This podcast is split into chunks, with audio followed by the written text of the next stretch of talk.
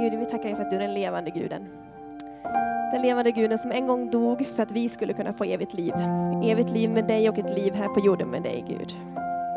Tack för att du är den du sagt du är. Att du är beständig, att du inte förändras. Att du är det vi har fått sjunga ut. Du är en mirakelskapande Gud. Ge oss tro på mirakel Gud. Låt oss få se mirakel. Låt oss få se helande. Gud, tack för att du är en Gud som skapar en väg där det inte finns någon väg. Vi ber att du ska skapa en väg för vår församling som är samlade här. För oss tillsammans, skapa en väg framåt, sätt riktningen. Gud, du ser där vi kan känna modlöshet. Ge oss hopp, ge oss kraft. Hjälp oss att lyfta blicken och fästa den på dig Gud. Tackar dig för att du också verkar i våra personliga liv. Du ser vad var och en kommer med. Och jag ber verkligen att en väg ska skapas. Tack för att det är sant att du kan, att det är sant att du gör, att det är sant att du verkar och att du hör Gud. Vi ber också om en väg genom Corona. Du ser hur vi lever, var vi lever. Vi ber att du ska ge kraft och styrka åt sjukvårdspersonal. Du ser personal som har slitit utan semester. Vi ber om gudomlig kraft och om ditt beskydd över deras hälsa. Vi tackar dig för att du är den som har skapat vila. Det är, du har liksom tänkt ut det. Och ingen annan är bättre än att ge vila än du. Så vi ger om sabbatsdagar i överflöd till de som behöver vila, Gud. Vi ber för de som leder vårt land. Vi ber att du ska sätta riktning. Påminn oss om att ja, lägg dem på våra hjärtan. Låt oss be för våra ledare. Låt oss be för vårt land. Tack för att du är en Gud som hör bön. I Jesu namn. Amen. Ni kan få stå kvar eller ställa er upp så ska vi få bekänna vår tro tillsammans. Vi tror på Gud Fader allsmäktig, himmelens och jordens skapare. Vi tror och på Jesus Kristus, hans enfödde son, vår Herre vilken är avlad av den helige Ande, född av jungfru Maria, pinad under Pontius Pilatus, korsfäst, död och begraven, nedstigen till dödsriket, på tredje dagen uppstånden igen ifrån de döda, uppstigen till himmelen, sittande på allsmäktig Gud Faders högra sida, därifrån igenkommande till att döma levande och döda. Vi tror och på den helige Ande, en helig allmännelig kyrka, det heliga samfund, syndernas förlåtelse, det dödas uppståndelse och ett evigt liv. Amen. Varsågod och sitt. Nu får egentligen Jakob korrigera mig. Eh, vi har ju söndagsgudstjänster som rullar, som vi är på nu, klockan, och det kommer vi fortsätta med. Hur är det med tisdagar, Jakob? Öppen cellgrupp fortsatt, klockan sex. Ja. Och jag har hört ryktesvägen att det har delats otroligt mycket goda vittnesbörd därifrån. Och vittnesbörd, eh, för er som inte vet det, så är det med berättelser om vad Gud gör i våra liv. Så varmt välkommen dit och dela om du vill. Kom och lyssna var, dela gemenskapen tillsammans. Klockan sex, nere i kaféet. Yes. Jakob ska få predika. Jag tänker att vi kan be för honom. Ni kan sträcka ut era händer. Så eh, vad ber vi om Guds välsignelse över det som du har förut, Jakob. Gud, vi tackar dig för att vi får ha Jakob här. Tack för att hur han får leda den här församlingen. Ta följe på dig och hur ni leder, ja, hur ja, du leder den här församlingen genom honom. Tackar dig för vad ni har fått förbereda ikväll inför den här kvällen. Jag ber om mod att dela det du har sagt. Jag ber om ja, men en lätthet i att tala idag. Vi ber också för alla som lyssnar där ute när vi sänder ut det här. Jag ber verkligen att ditt ord ska beröra människor. Tack för att det gör det. Tack för att vi bara får lita på att ditt ord verkligen är verksamt när det talas ut. I Jesu namn. Amen. Medan Jakob går upp och förbereder sig så ska vi ta upp en kollekt så om du känner att du vill ge en gåva så kommer det komma upp ett swishnummer här. Lisa kommer spela lite i bakgrunden. Eh, och om du vill ge kontant så kommer, vi, kommer det stå en bössa ute vid ingången Så när ni går ut sen kan man få ge kontant om man vill också. Eh, så gör vi så, så vi tar en tid. Så du som vill ge en gåva till församlingen och det arbete som görs här, varmt välkommen.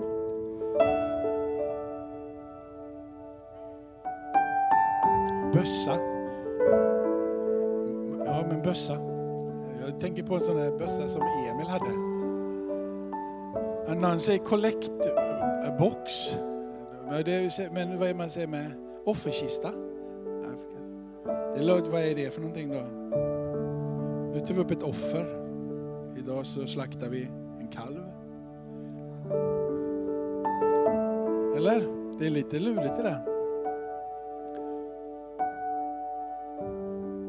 Finns där ute sen i alla fall. Vet ni det att Paulus han uppmanar ju eh, Be för mig, säger han, så att jag vågar predika. Be för mig att jag frimodigt predikar. Be för mig så att jag predikar ett helt evangelium. Eh, Paulus uppmanar också att vi ska be för våra ledare. Så jag, jag tror att be för eh, alla församlingar, be för de som predikar. Att, att Guds ord får bli predikat fullt ut. Det finns saker eh, medvetet eller omedvetet lämnar åt sidan eh, för att man inte vill ta upp frågan eller för att man tycker frågan är för komplicerad. Till exempel eh, att faktiskt profeterna i Gamla Testamentet talar ut att han som skulle komma, han ska döma emellan levande och döda. Eh, jag vet inte hur många gånger som du har suttit och hört predikningar över att han som kom, Eh, han som eh, kom för att representera den guden som älskar, eh, ska faktiskt döma mellan levande och döda. Eller att det faktiskt evangelium i sitt nötskal handlar om syndernas förlåtelse. Och synd är kanske inte heller det ämne som, som liksom, vad, vad, hur, hur, hur förklarar man och hur pratar man om synd utan att det blir skuld och det blir skam och man faktiskt känner att den där guden verkar vara hård. För det är ju det som har gjort att man faktiskt har valt att säga att Gud är kärlek och så har man poängterat att han älskar, att han är fylld av nåd och fylld av barmhärtighet och att du får komma till han så som du är. På bekostnad på att det faktiskt, finns ett verkligt problem. Problemet med synden i våra liv som man faktiskt kom för. Profeterna är ganska tydliga genom hela gamla testamentet att det finns ett problem hos mänskligheten. Det finns någonting som är synd som gör att det är omöjligt att nå fram till Gud. Men han skulle komma, talar de ut. Han som faktiskt eh, kommer med försoning. Eh, jag tänkte idag försöka ge mig på eh, att säga att det finns en plan.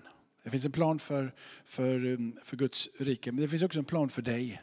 Ehm, det finns en tanke med, med eh, ditt liv. Du är inte bara en slump. Eller eh, du, du existerar eh, inte bara utav mm, din, och mamma, din mamma och pappas kärlek eller hur, hur du nu har, har kommit till under den där natten mellan en man och en kvinna. Det är inte bara det som har gjort att du är vid liv, utan det finns en tanke med dig. Och de profeter som talar ut det här, till exempel Jeremia säger så här, ifrån kapitel 1 och eh, vers 5, så säger innan jag, innan jag formade dig, Herren säger, innan jag formade dig i moderlivets utvalde jag dig. Och innan du kom fram ur moderskötet så helgade jag dig och satte dig till profet för folken. Och då så är du ju snabb att reflektera över, om det här var ju Jeremia, han var ju en stor profet och han skulle betyda skillnad för, för, för så mycket och han skulle tala ut Guds ord. Det är klart, jag kan ju inte jämställa mig med den här profeten. Men det är klart, Gud har ju kallat Jeremia, men Gud har inte kallat mig, kanske du säger. Eh, så här säger Paulus om sig själv. Eh, men han som utvalde mig redan i moderlivet och som kallade mig genom sin nåd. Så Paulus och Jeremia är i alla fall tydliga med att de har blivit kallade av Gud, att de har blivit sedda utav Gud innan de ens hade tagit ett enda andetag. Och eh, det är samma sak med dig, även om du kanske inte tror det fullt ut, så är det faktiskt samma sak med dig. Han känner dig. Eh, psalm 139, gå hem och läs psalm 139. Eh, han vet vem du är. Han känner dig, han har format dig. Eh, så där, men det har ju ingenting med, med, med, planen, det är bara vetskap om vem jag är. Han vet vem jag är möjligtvis, jag kan acceptera det. Men en plan, se på mitt liv, se på alla motgångar som har blivit, se på alla vägar som, eh, som jag borde ha tagit men inte har tagit. Gud har likväl en plan för ditt liv. Och Gud har en tanke med ditt liv. Det är när du försöker att bara ta vad du vill göra med ditt eget liv som du hela tiden upplever att han inte är där. När du väljer att låta han vara en del av det så ska du få se hur förundligt Gud syr ihop det. Ja, men det där säger ni kristna. Det där är så typisk floskel som ni säger, liksom att ja, men Gud är med och, och, och, så, och så går det en liten tid och sen så Men det gör det ju för alla människor också. Alltså, människor går ju också igenom saker och sen så efter ett litet tag så, så händer det. Men de säger ju inte att, att det är Gud utan de säger att det bara med tiden blev bättre. eller så där. Men ni kristna ni säger hela tiden att ja, men det var Guds tanke med det där och, och Gud hade en väg med dig med det där. Och, och så där. Men Gud har en plan för dig. Och Gud ropar efter dig för att du ska förstå att du inte bara är en slump i den här världen, utan han faktiskt känner dig vid namn och att han har en plan och han har en tanke för dig. Det förundliga är att förstå det. Och ibland så Eh, känner vi kanske inte det. Och ibland så greppar vi inte det. Och ibland så känns det oerhört avlägset innan det där ljuset på insidan tänds och man bara känner, det är ju verkligt det här. Och så tänker man, så där vill jag ha det varje dag för resten av mitt liv. Men så går det ibland perioder då man inte känner det och perioder ibland när man inte uppfattar det. Men det finns en nyckel för att komma tillbaka till den platsen. Och jag skulle vilja kalla att för dig att om jag får liksom lite floskligt säga, aktivera igen Guds plan för ditt liv. Det, det, går inte på automatik, man trycker inte på en knapp och sen så det funkat det. det är inte så. Men om det skulle finnas någonting att säga om att kunna aktivera Guds plan för ditt så att du blir medvetengjord om att han faktiskt har en tanke och en plan och att han vet vem du är. Så stavas det BE. Eh, B. Bön. Och jag ska försöka ta oss igenom kapitel 10 i Apostlagärningarna för att se hur det här fungerar. Du kanske fortfarande sitter och tänker, ja, men det där Paulus och Jeremia, det där köper jag för de hade sådana stora och viktiga uppdrag. Ja, det där med att omsorgen om mig från psalm 139 som vi nu inte har läst, men ja, det köper jag. känner igen det där om att han vet ett ord innan det är på min tunga och han är formad med mig. Jag, vet, jag känner igen det, det gör min boning i yttersta havet och allt det där. Ja, jag känner igen det där, men det där handlar ju liksom bara om att han vet vem jag är. Men det här med plan är fortfarande för långt borta. Så vill jag poängtera att Paulus Paulus upprepade gånger i både Romarbrevet och i Galaterbrevet och i Efesebrevet och i Kolosserbrevet säger att Gud inte är partisk. Gud gör inte skillnad på människor. Utan det Gud säger till en människa, det är också det han säger till alla människor. Så Gud sätter inte någon favorit. Eller för Gud är alla favoriter. Hur du nu än väljer att se det. Va? Gud har inga favoriter, det låter som att liksom, vi alla där nere. Men Gud har eh, alla favoriter. Gud har någonting för oss alla. När Gud väljer någon i Bibeln så gör han det inte på bekostnad på någon annan. Han gör det för de många skull. Så när Gud väljer någon så är det inte på grund av att han inte väljer Kristoffer, för Kristoffer är inte tillräckligt duktig, eller Sara hon kan inte, eller Roger kan inte, så jag väljer Olivia. Utan när Gud väljer någon så gör han, väljer han Olivia för de många skull. Han kallar en för att tala ut. Och i den berättelsen som du har i kapitel 10 så har du en som är i behov av att veta vem Gud är, Cornelius. Och du har en som vet vem Gud är, Petrus. Och så sammanflätas dessa två berättelser till en berättelse. Och det som binder dem samman är bön.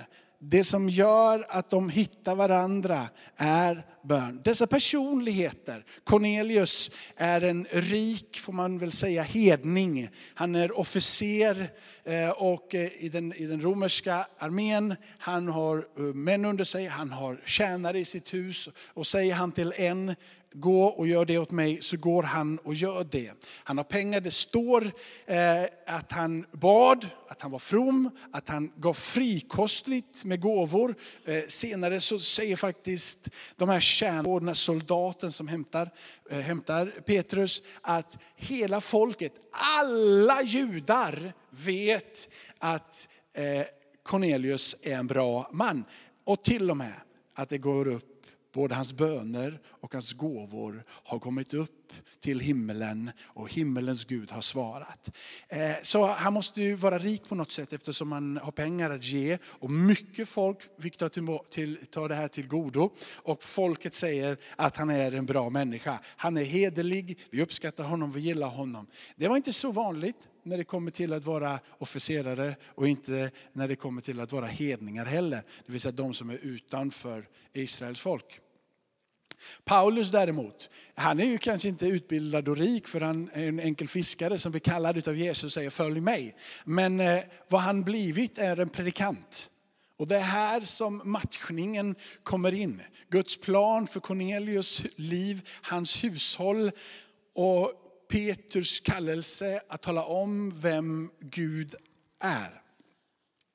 Cornelius eh, bor i Caesarea och han är i bön. Och eh, bön, det står att han var from. Vad är det för någon fromhet vi, pratar om? Det är att han försöker att leva upp till de standard och de lagar judiska folket eh, hade enligt Mose lag. Så han inte bara hade ett böneliv, det refereras ju till det, men han försökte också följa och göra det som var angeläget för att leva ett så kallat fromt liv. Så han, han, han lutade inte tillbaka och bara gjorde som han ville, utan om man skulle sätta upp några sådana punkter som, gjorde, som kvalificerade honom till att vara from och hederlig, så var det att han sökte Gud, att han tillbad Gud, att han vände sin uppmärksamhet mot honom. Jesus hade ju dött och Jesus hade uppstått och det här var en liten tid efter. Så han hade ju inte full kunskap. Men det brydde sig inte Gud så mycket om. Han tillbad och riktade sin riktning emot vem Gud var. Eh, men han gjorde det inte på rätt sätt. Ibland så möter vi människor som har haft en väldigt, väldigt sökande livsstil. De har sökt överallt och sen helt plötsligt så i det här sökandet, de har varit lite i new age och de har varit lite överallt och sen helt plötsligt så träder Jesus fram för dem.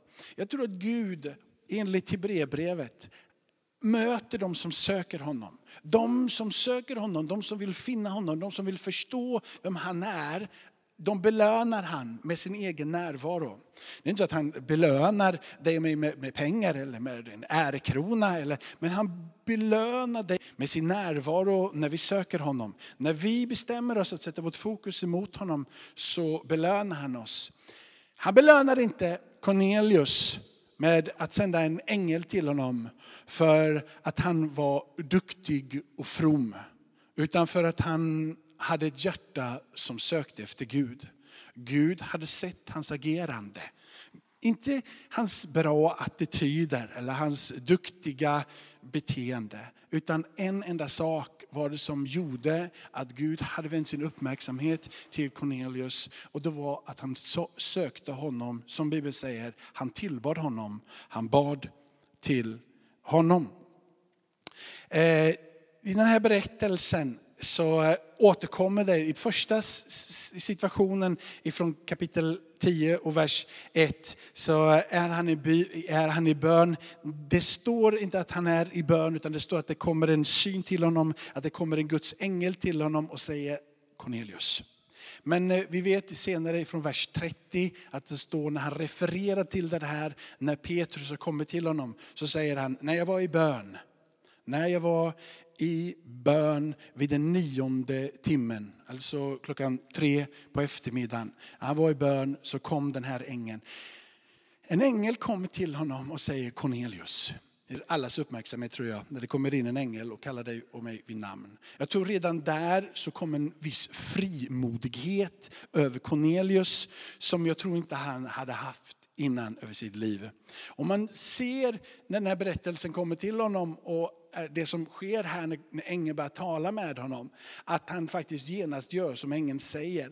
Och ängeln säger till honom, Cornelius, han blir förskräckt, står det i berättelsen. Vad är det här? Ängeln säger, dina böner och dina gåvor har stigit upp till Gud som ett offer som han har kommit ihåg.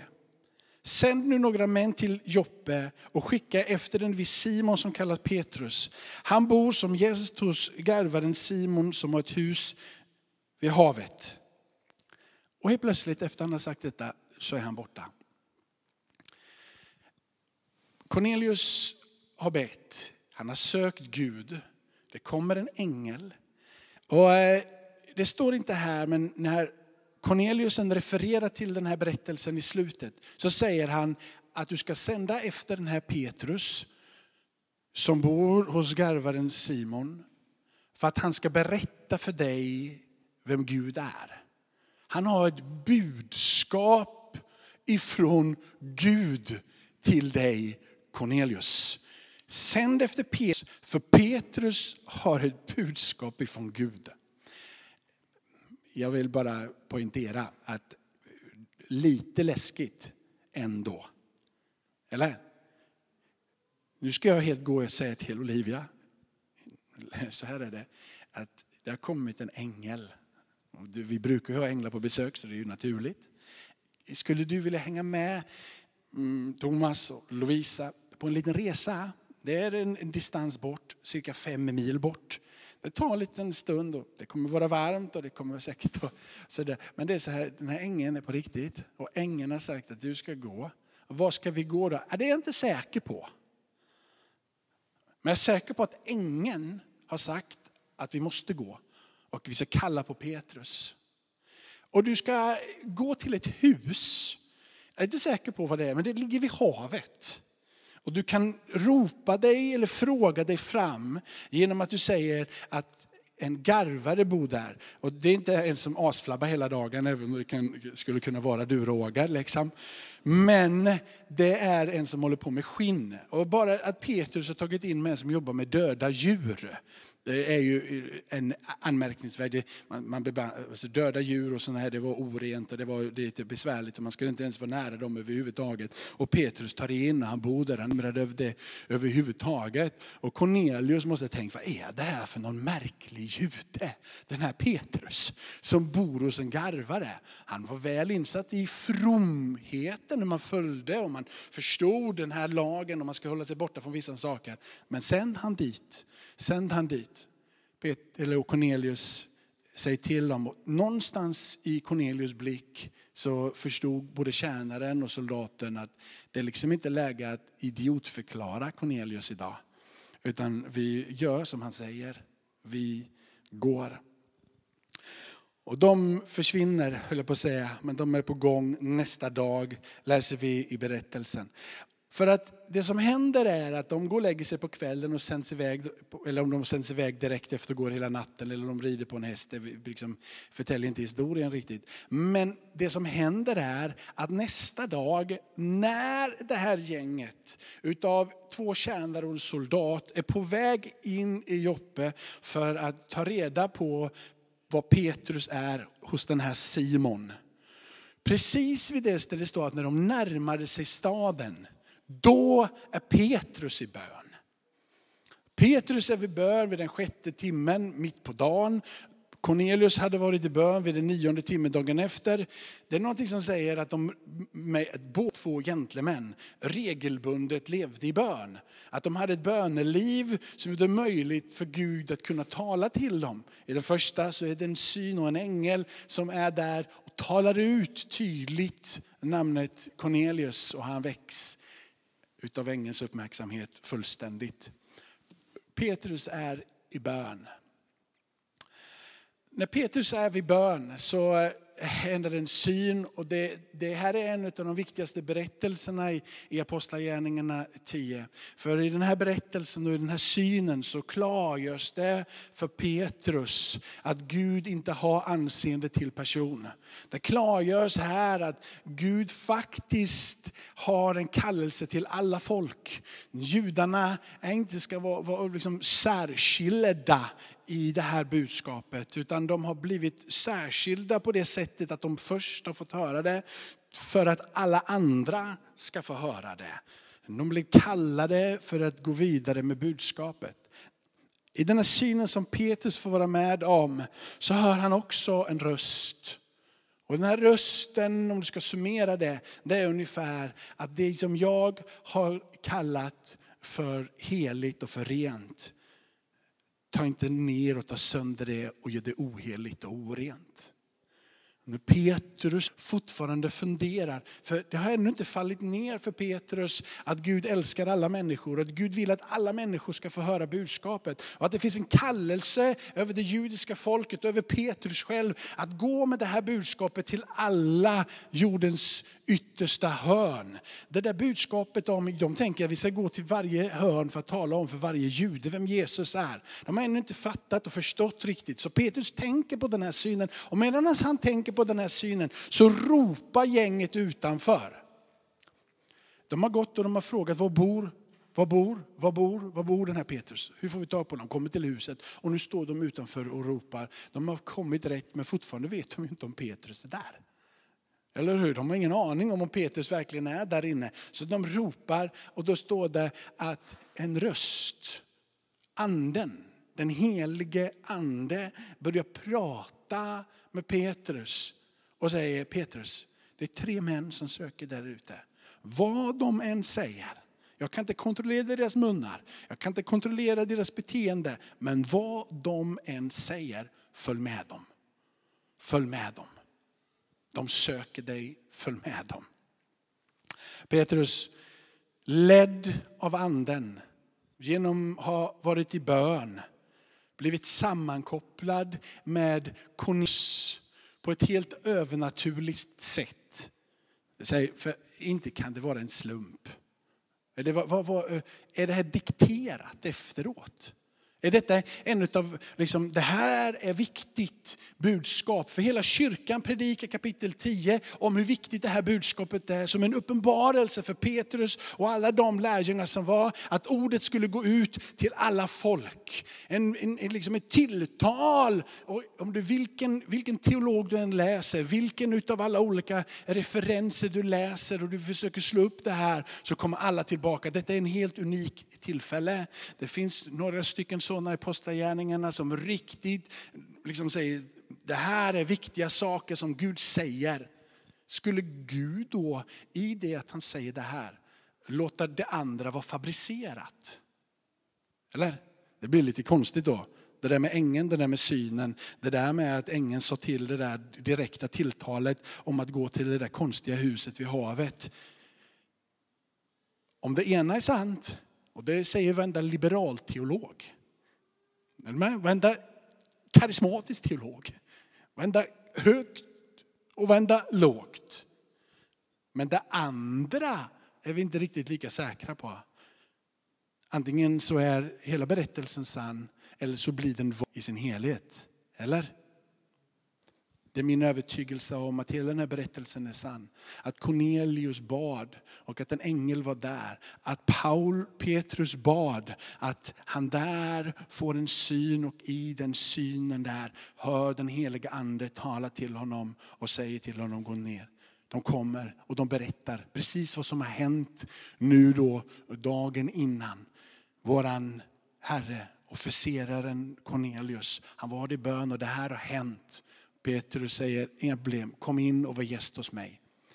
Jag ska följa med er. Det är märkliga berättelser. För dels så bor han hos en garvare som får kallas ett orent yrke. Han tar in gäster som inte är judar och han säger mer eller mindre att nästa dag ska jag gå hem till Cornelius som en officer. Det var inte bara det naturliga att hänga tillsammans. Men Gud sammanflätade denna rika hedning, denna officer och denna enkla predikant för att budskapet var sammanflätat med varandra. Det vill säga att Gud kallar var och en av oss. Gud hade en plan för Cornelius. Gud hade en plan för Petrus. Gud hade en plan för hela Cornelius hushåll. Och han drar de här familjerna, situationerna, folken tillsammans. Petrus dagen efter tar med sig ett gäng bröder, flera bröder hänger på honom och de är på väg nu till Cornelius. Och de kommer fram dagen efter, så nu är det fyra dygn sedan som de möts upp igen. Och i det här huset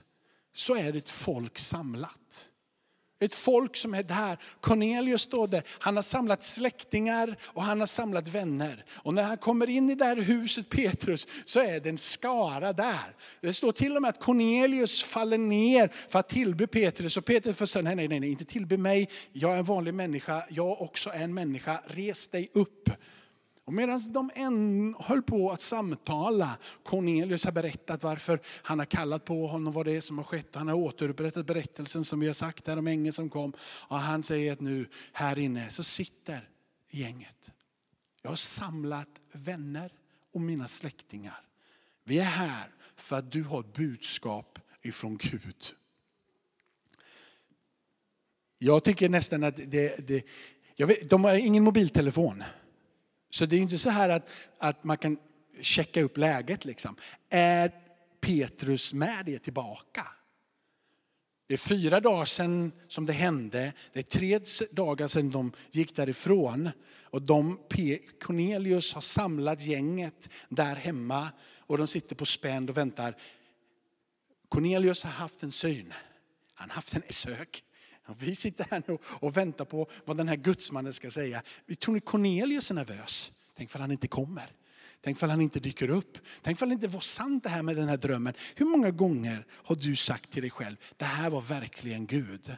Och sen har det gått en liten tid och kanske någon av er någon gång har börjat tvivla blev inte som jag hade tänkt. Jag kan tänka mig att Cornelius huvud gick varm där inne. Undrar ifall det inte ska bli som vi har tänkt. Undrar ifall inte det är någon på gång. Och när Petrus väl kommer så blir han överlycklig. Han bara faller ner och bara, yes han är. Nej det var inte han. Upp med dig säger han. Och de är på väg in. Och då så säger Cornelius, vi vill att du talar om för oss det hela fulla budskapet. Det som är det viktigaste, det Gud vill säga nu i den här tiden och i alla tider till alla folk. Det som är det absolut centrala i evangelium, det som är hoppet, det förvandlade budskapet, det som kan ge evigt liv till var och en av oss. Jag vill att du talar om det här. Jag har fattat att jag har sökt Gud, men nu så ska du tala om det här budskapet som kan förvandla hela möjligheten för mänskligheten.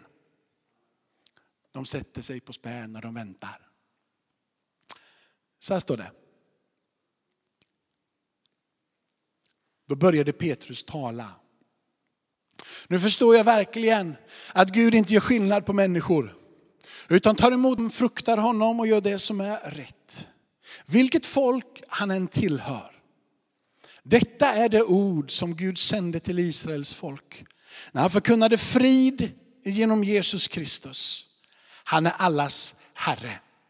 Och här i din egen bibel sen kan du gå in och hitta referensversar eh, som talar om för det här har Paulus sagt, det här har profeterna talat ut i gamla testamentet. Det här uppfyllde Jesus, så här var han, det här säger Paulus om det.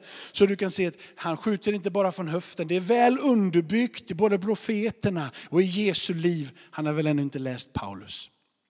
Men hade han läst Paulus så hade han säkert eller de hade gjort med varandra.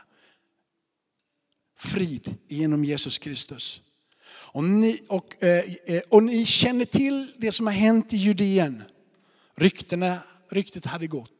Det började i Galileen efter dopet som Johannes förkunnade. Hur Gud smorde Jesus från Nasaret, Nasaret med den helige ande och kraft.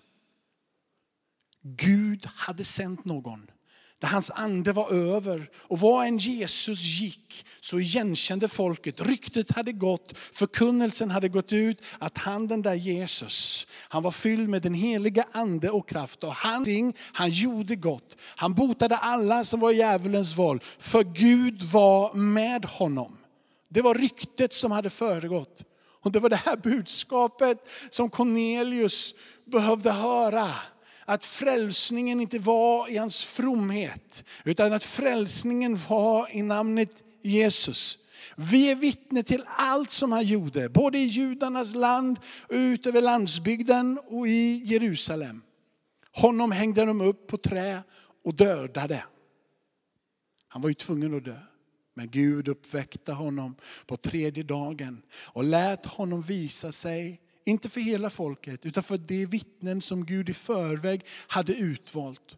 Och så säger han det här som måste varit fullständigt chockerande för Cornelius hushåll, för alla de vänner som satt där och som hade kommit dit för att höra talas om vad det är för något budskap som han egentligen kommer med. Och så säger han, den Jesus som ni har talat om, som hängde på ett trä, och han är död, han dog, det är på riktigt, han uppstått. Och sen, vi, jag, Petrus. Jag åt och jag drack med honom efter att han hade uppstått från de döda. När det här händer och det här talas ut. Antingen så möts man i rummet utav en entusiasm. Eller så möts man utav riktigt mycket skepticism. Eller? Eller har ni sagt det här någon gång? Försökt förklara för dina grannar och grannarna bara Nja. Eller för dina vänner Nja. Eller så berättar du för någon och så bara Mwa. Eller hur? Det reagerar någonting på insidan. Det är som att Gud redan har knackat på den dörren, eller? Att de redan har sagt, jag satt mitt sökande emot någonting. Och när du förklarade och du berättade så går det ett ljus upp och man säger, okej, okay, jag tror. Jag vet inte hur det är möjligt, men jag tror. För Gud har varit och färdig. På samma sätt hade han gjort med Cornelius hushåll. Han hade redan förberett dem för att han sökte vem Gud var. Så när budskapet presenteras, ser ni hur planen för Cornelius liv och planen för Petrus liv, planen för hela Cornelius hushåll och vänner och släkt sammanflätas. Gud har en plan för ditt liv. Han som jag åt och som jag drack med. Han befalldes predika för folket, att vittna om han är den som Gud hade utvalt. Och så säger Petrus, det som antingen gör att du springer iväg ifrån Gud eller att du springer mot Gud. Han som är mellan levande och döda.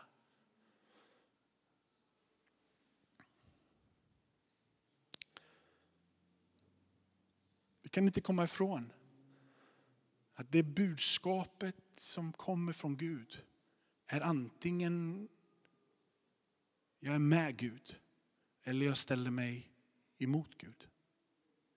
Jesus omfamnar alla och han söker alla. Men han möter dem som söker honom. Han rör sig i en gasells hastighet emot dem som vänder sin uppmärksamhet emot honom. Han är snabb på att röra vid en sådans hjärta. Och när han säger att han har Gud utvalt till att vara domare över levande och döda. Om honom vittnade alla profeterna. Var och en som tror på honom får syndernas förlåtelse genom hans namn. Här måste någonting ha hänt i rummet. Någonting som inte riktigt refereras till. Om de hade handuppräckning som de har i vissa kyrkor. Eller om det var ett stilla mummel, jag tror. Eller vad som än hände på den här, den här stunden. Så var det någonting som klickade i Petrus hjärta, hans släktingars hjärta, hans vänners hjärta som var inbjudna. Någonting i det här rummet. För verserna som är precis efter Medan Petrus ännu talade så föll den heliga ande över alla som hörde ordet. De troende judarna som hade följt med Petrus häpnades över att den heliga andes gåva blev utgjuten över hedningarna eftersom de hörde hur de talade i tungor och de prisade Gud. Då sade Petrus, inget kan väl hindra att de döps med vatten. När de har fått den heliga ande precis som vi, och han befallde dem att de skulle döpas i Jesu Kristi namn. Gud hade en plan för den rika hedningen, officeren Cornelius. Och Gud hade en plan för Petrus. När Petrus kommer i kontakt med Cornelius så öppnar sig Petrus ögon genom synen och genom uppenbarelsen. Men mötet med Cornelius gör att han säger, nu förstår jag att Gud har en kallelse och att Gud har en plan för alla människor. Nu förstår jag att Gud inte är partisk. Nu förstår jag att Gud inte gör skillnad på människor utan att Guds hus är kallat hus för alla folk. Petrus behövde Cornelius för att förstå Guds plan. Han behövde vara lyhörd, lyhörd till visionen, till synen och gå på tilltalet. Och Cornelius får veta vem Gud är genom den enkle dekanten som en före detta fiskare.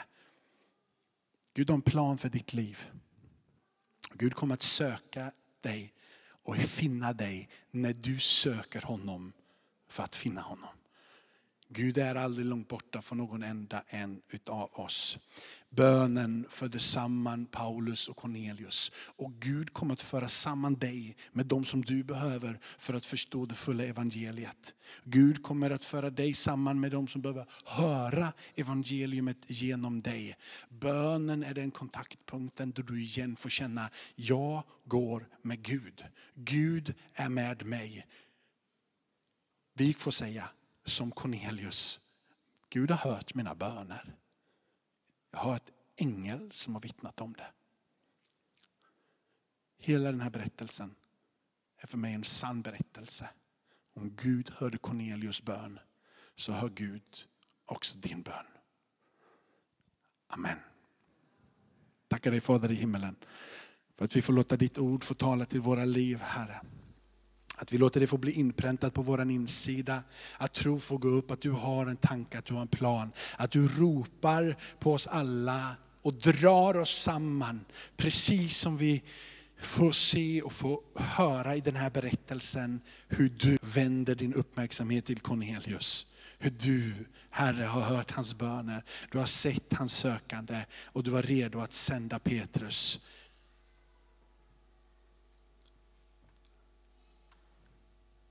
Jag upplever att min fråga till er idag, ni som är här under min röst, och inte hör, ser det här längre på, på videon där, men hör det här efteråt på, eh, på de här olika podcastarna, kanalerna som det, som det sänds ut på. Jag tror att min, min, mitt budskap till er och min maning som jag känner, det är att Gud söker dig så som han sökte Petrus. För att få betyda skillnad. Det är många som söker mig, säger Herren. Och jag ropar efter dig. Jag söker den som vill gå. Den som vill säga ja. Här är jag, sänd mig. Här är jag, sänd mig.